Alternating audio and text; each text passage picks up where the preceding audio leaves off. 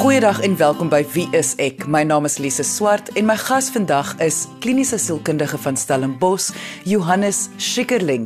En ons gaan gesels oor die groot probleem tans wêreldwyd, huishoudelike geweld. Johannes, ek wil onmiddellik eintlik afskop deur te vra wat presies tel onder huishoudelike geweld? Huishoudelike geweld is eintlik enige geweld of aggressie of afbreeking van mense se grense, hulle menseregte of selfs hulle waardigheid.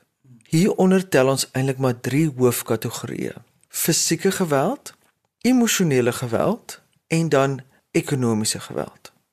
Onder die 3 kan ons natuurlik klomp dinge sit. Byvoorbeeld onder fisieke geweld sal ons iets soos verkrachting wat eintlik 'n seksuele tipe geweld ook is, sal ons dit daaronder kategoriseer. Iets soos verbale mishandeling sal ons dan sit onder die emosionele tipe geweld en dan iets soos terughou van finansies, iemand finansiëel beheer is dan 'n tipe ekonomiese geweld. So ons het die drie hoofkategorieë, maar onder hulle is almal baie af verskillende afdelings van tipes geweld of mishandeling. Soos ek vroeër gesê het, tans is die wêreld omtrent op sy kop gedraai as gevolg van hierdie effek tydens COVID-19 dat huishoudelike geweld het met rasse skrede toegeneem. Meeste mense sal dink dit sal net fisieke geweld insluit.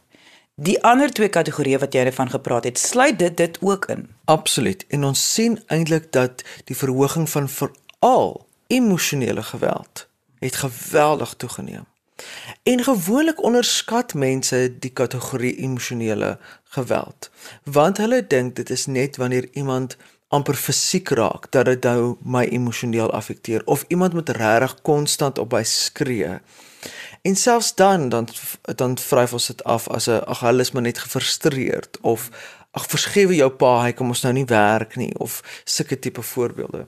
En ons weet een van die oorsake van enige tipe geweld is eintlik maar iemand wat nie hulle frustrasie kan hanteer nie en dit op 'n ander persoon aflaai.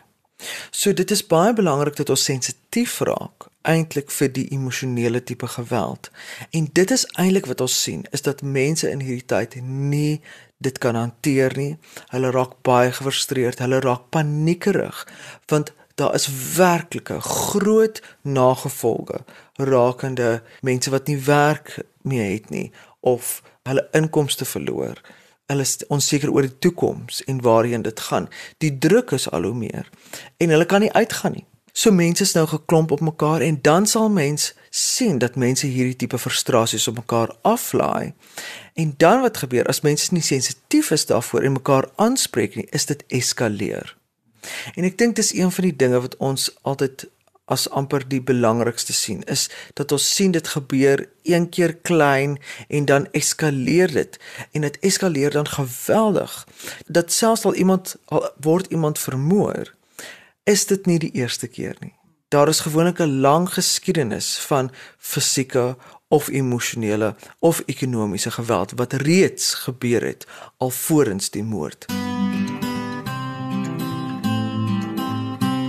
En dit gaan eintlik meer oor die kultuur wat geskep word as iemand nie met hulle frustrasies om kan gaan nie. Met ander woorde, as die kultuur geskep word dat dit oukei okay is vir pappa om te skree, dan word dit oukei okay vir pappa om sekere verwagtinge te hê.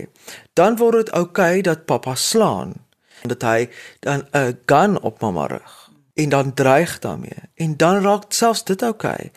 En dan natuurlik, soos wat dit met enige iets is, is dit ons eskaleer dit. Hoekom want ons kry nie dieselfde gevoel nie, nê? Nee, so ons wil die hele tyd pappa wil voel hy het baie mag, hy is in beheer, dit is sy plek en as hy nie daai gevoel het nie, dan gaan hy dit eskaleer. So naderhand sal hy dan amper moord moet pleeg om daai selfe gevoel te kry. En wat ons baie keer kry is dat daai man sê eintlik ek het nie besef wat ek gedoen het nie omdat hulle so in die kultuur was van geweld van dit is dit is wat ons doen in in ons gesin.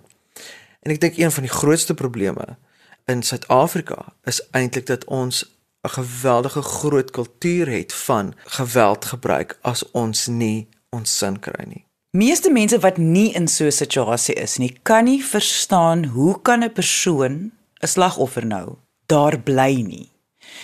Maar ek dink hierdie patroon wat jy nou uitwys is iets wat mens moet in ag neem. Dit begin klein, dit begin subtiel en dit raak amper soos 'n deel van 'n hele verhouding van 'n mens se lewe, soveel so dat jy eintlik op 'n dag wakker word en jy is vas. En ons moet ook kyk, ons moet in gedagte hou dat baie keer word mense in huise groot waar daar alreeds 'n tipe mishandeling was of 'n tipe geweld.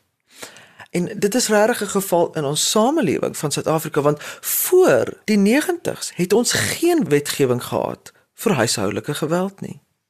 Met ander woorde, jy kon jy jy kon mekaar heerlik timmer en die polisie kon niks daaraan doen nie. Intendeel jy kon eers die polisie bel nie. Dit is eers in die 90's en toe eers met ons nuwe wetgewing in 96. Toe kan jy eintlik eers beskerming kry vir jouself via wetgewing en dat die polisie kan in intree en dat daar beskermingsbevel uitgerig kan word ensovoorts.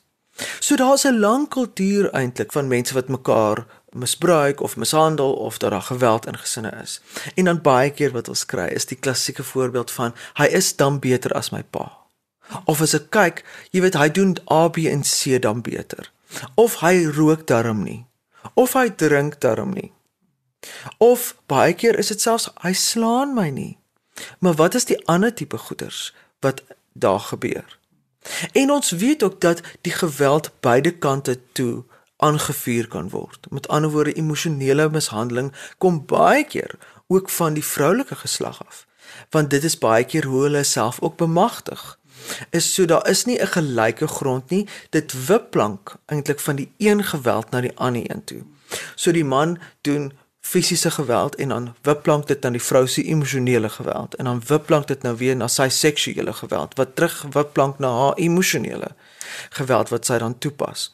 En en hierdie hele siekstelsel is baie plofbaar in ons land en ons weet ons het van die hoogste verkrachtingssyfer en ons weet verkrachting het eintlik baie min te doen met seks dit het eintlik baie te doen met geweld en mag en ons weet ook ons het van die hoogste huishoudelike geweldsyfers wêreldwyd. En dit is skokkend en dit sê eintlik dat ons as 'n samelewing siek is.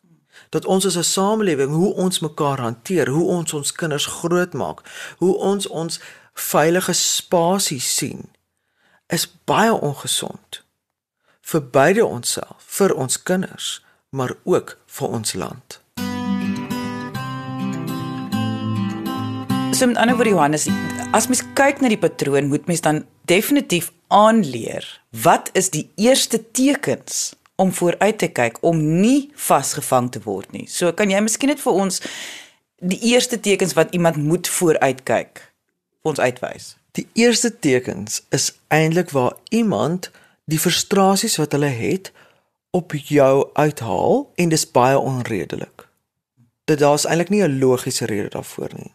Met ander woorde, iemand kom gefrustreerd van die werk af en is dan baie kwaai met jou oor een of ander rede.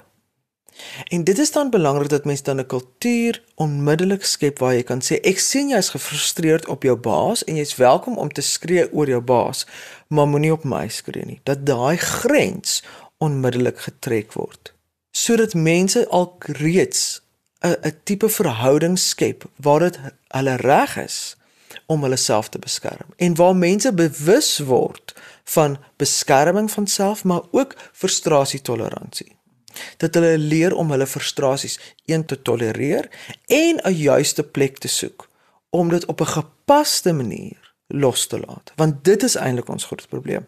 Ons probleem is dat ons op 'n ongepaste manier op 'n wanfunksionele manier ons frustrasies op ander mense plaas of van ons frustrasies probeer ontsla raak. En en dit is eintlik wat ons so nodig het in ons land is dat ons leer dat wanneer ek gefrustreerd is, dit 'n gesonde manier van frustrasie uh, loslaat en daai is 'n ongesonde manier. Jy luister na Wie is ek op RSG 100 tot 104 FM. Baie keer dink mense en ek dink ons is ook in 'n kultuur waar mense voel dis alles of niks. Of ek krop op of ek ontplof. Daar's daar's nie 'n grys area in die middel nie. En dit skep geweldige probleme. So hulle krop op, krop op, krop op en dan die ontploffing. En maak nie saak wie dan in die pad is nie. Kind, kat of kraai, maak nie saak nie, hulle kry dan almal houe want iemand het nou die hele tyd opgekrop in plaas van leer. Daar is eintlik 'n middeweg van frustrasie loslaat sonder om iemand anders te aan te val. Voorbeelde hiervan is natuurlik goed soos isolasie waar daar weerhouding is van of finansies, emosies, liefde, weerhouding en beheer van dinge soos met wie het jy kontak, wie mag jou vriende wees, hoeveel keer mag jou familie kom kuier. Die heel grootste teken wat ons ook altyd kyk is hoe was die persoon in die verliefdheidstadium en hoe is hulle nou? En as die kontras te groot is, dan moet jy klaar weet jou rooi ligte moet flits.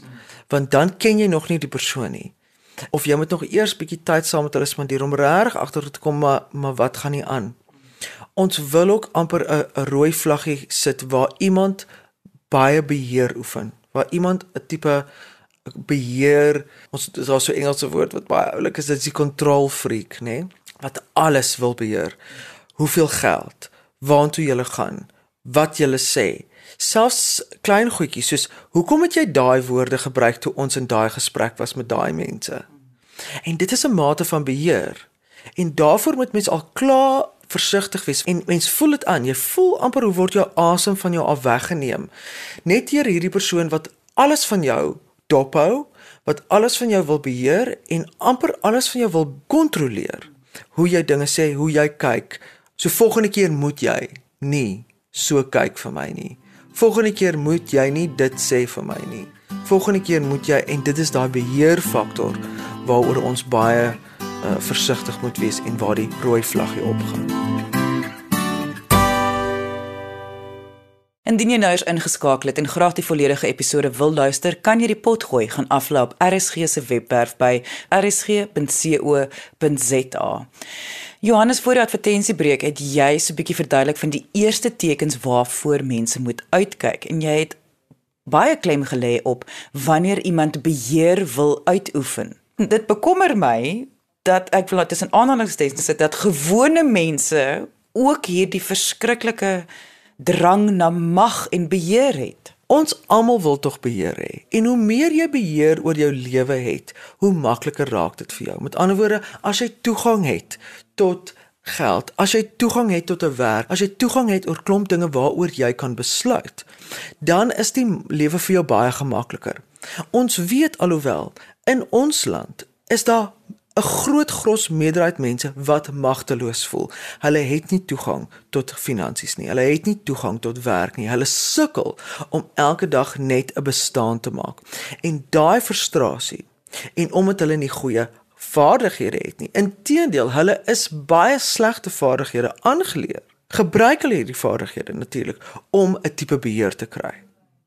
So enige staat waar mense sukkel om te oorleef, sien jy 'n geweldige eskalering van huishoudelike geweld omdat mense net probeer om 'n bietjie beheer te hê.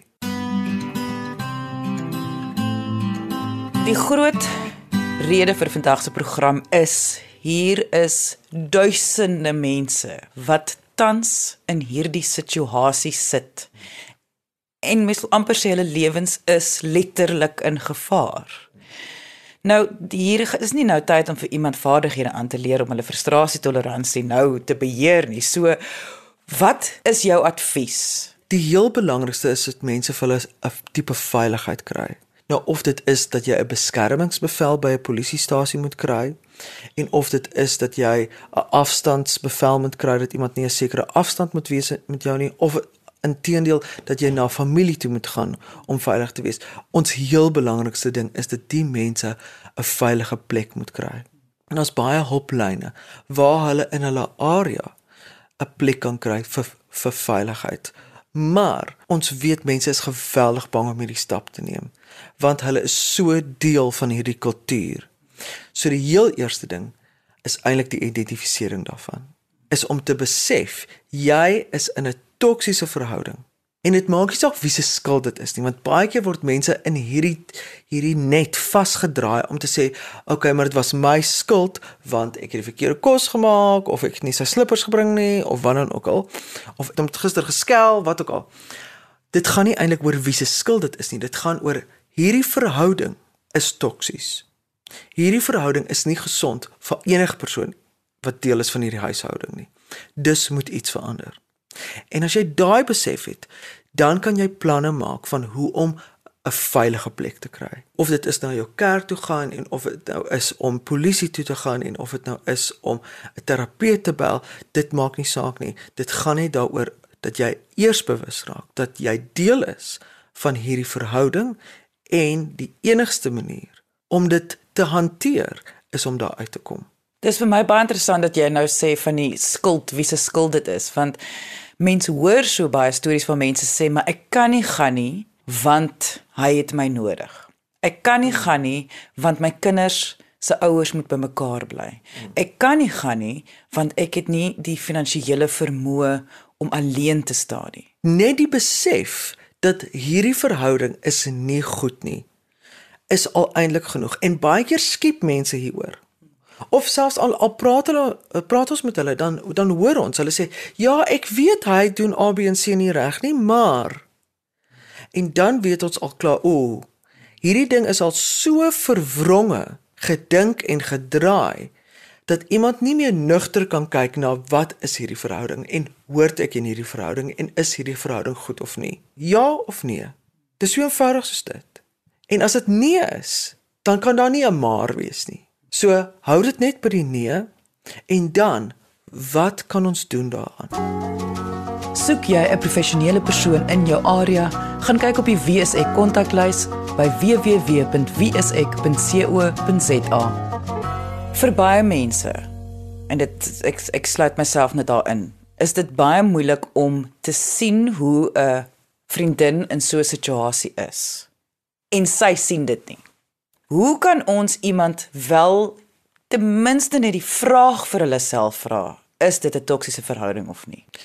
Dit is 'n baie goeie vraag want ek dink baie van ons sit in daai selfmagtelose posisie waar ons sien daar's iemand in 'n wat waarvoor ons baie omgee in 'n toksiese verhouding. En ons ken daai reaksie. Die oomblik wat jy iets vra oor die verhouding, dan voel ons al hoe trek hulle terug en hoe skarrel hulle amper terug. Ek, ek dink aan 'n krab wat teruggaan in die skulp en, en hoe kry mens daai krab uit? Dis wat is wat ons eintlik wil weet, né? Nee? Die heel belangrikste is dat mens eintlik vir hulle vra vra wat nie veroordelend is nie.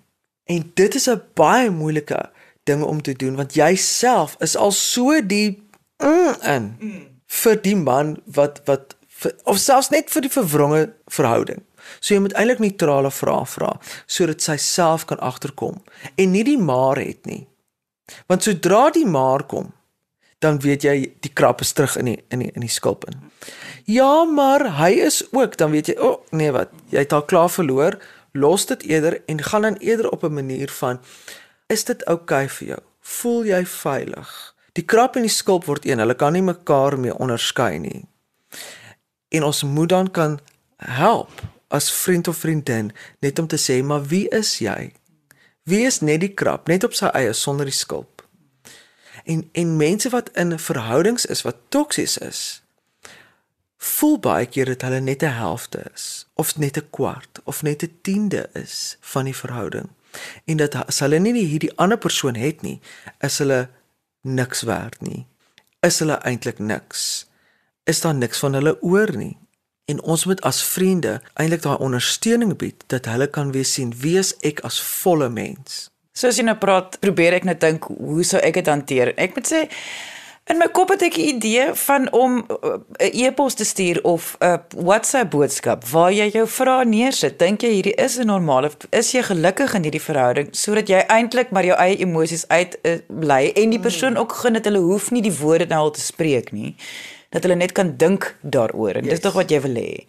Want ek hoor wat jy sê, mens raak emosioneel so deel daarvan ja. dat later kom jou eie frustrasies ook uit en mens wil tog hê dat die vriende moet daar bly dat wanneer die persoon besef hulle moet gaan. Yes. Dat hulle hulle hele ondersteuningsnetwerk kan hê om hulle te help om veilig dan te wees. Ja. Presies. En ons sien baie keer die teenoorgestelde gebeur dat as jy nie hom nou los nie, dan verloor jy ons. Hmm. En dit laat toe dat daai persoon eintlik meer in die skulp intrek wat nie vir haar werk nie of vir hom werk nie. Ek hou baie van dit wat jy sê dat skryf dit eers neer want met skryf is dit nie die direkte konfrontasie nie. Mense het tyd om daaroor te dink, mense het tyd om dit te prosesseer en mense het tyd om dit te verwerk en dan 'n antwoord te kan gee. In direkte konfrontasie is dit te erg vir mense en veral mense wat alreeds emosioneel mishandel word. Het hulle nie die kapasiteit om jou woede en jou frustrasie oor hulle toksiese verhouding ook nog mee te cope nie. Daar is geen manier nie. So dit is so belangrik om dan op 'n kalme manier vir hulle die boodskap deur te gee van ons is bekommerd oor jou en antwoord hierdie vrae vir jou en ons is daar vir jou en ons ondersteun jou. Nie julle nie, ons ondersteun jou sodat jy jouself weer as volwaardige persoon kan sien en amper die teenoorgestelde boodskap gee van die mishandelaar wat sê jy's niks werd nie wat al daai emosionele tipe mishandeling op die persoon uitvoer maar eintlik te ondersteun om te sê, "Jesus, ek is bekommerd jou oor jou. Is jy nog die persoon wie jy is? Ek sien jy lag nie meer nie. Ek sien jy doen dinge op 'n vreemde manier. Ek, wat gaan daar aan? Hoe kan ons help? Hoe kan ons ondersteun?" Sodat hy self kan besef, "Wow, hier is hier's baie rooi vla wat wys en ek hoef nie die rooi vla te beskerm nie. Ek kan intedeel ook sê, "Jesus, dit bekommer my." En dis wat baie keer met hierdie mense gebeur, is hulle voel hulle moet hulle verhouding, hulle skulp moet hulle beskerm. En as ons eers in daai tipe patroon is, dan raak dit moeilik. Jy luister na Wie is ek op RCG 100 tot 104 FM. Ons sit as 'n land, as mense, as samelewing. En hier praat ek regtig van die kleinste samelewingkie wat daar is en dit is jy en jou bure of die mense by die skool of dan jou area of jou dorp en alles daarmee saam. Ons almal dra 'n verantwoordelikheid om 'n kultuur te vestig waar geweld glad nie aanvaarbaar is nie. En waar ons almal bydra van hoe om met mekaar om te gaan. En om vir jouself te vra, dra ek by tot dit of doen ek 'n afbreek daaraan? Met ander woorde, hoe hanteer jy die mense rondom jou? Hanteer jy hulle met respek? En al is jy gefrustreerd, hanteer jy dit op 'n manier wat bevorder dat 'n persoon 'n glimlag het of dit dat daai persoon ook weer gefrustreerd raak. En dit is so deel van wie ons almal is in ons land. Is ons word maklik opgesweep. Ons word maklik teenoor mekaar gedraai en ons word maklik in extreme gedruk waar ons gekke goed sê. Soos Ja, ek verstaan dat iemand daai vrou slaan. Sy verdien wat haar bek is dan te groot. Ek meen hoe gek is dit en al is dit net in 'n klein konteks, dra ons elkeen by tot 'n 'n tipe toleransie vir geweld, 'n tipe toleransie vir mense se wangedrag en wanfunksionering. En selfs daai ding waar ons hoor hoe gil die bure op mekaar en waar daar houe val of waar daar 'n dronk persoon is en jy doen niks. Is dit nie oukei okay nie want jy dra eintlik by. Dis nie jou verantwoordelikheid nie. Maar ons moet probeer help. Dit was kliniese sielkundige Johannes Schikkerling. Indien jy enige vrae het of enige hulp nodig het, kan jy ons kontak deur ons webwerf by www.wieisek.co.za of kom gesels saam op ons Facebookblad onder wieiseksa. Ons het ook elke dag 10uur 'n live gesprek met 'n sielkundige op hierdie Facebookblad. Baie dankie dat jy vandag ingeskakel het. Ons maak weer so volgende Vrydag 12:30 net hier op RSG. Jy moet 'n heerlike naweek hê en onthou, kyk mooi na jouself.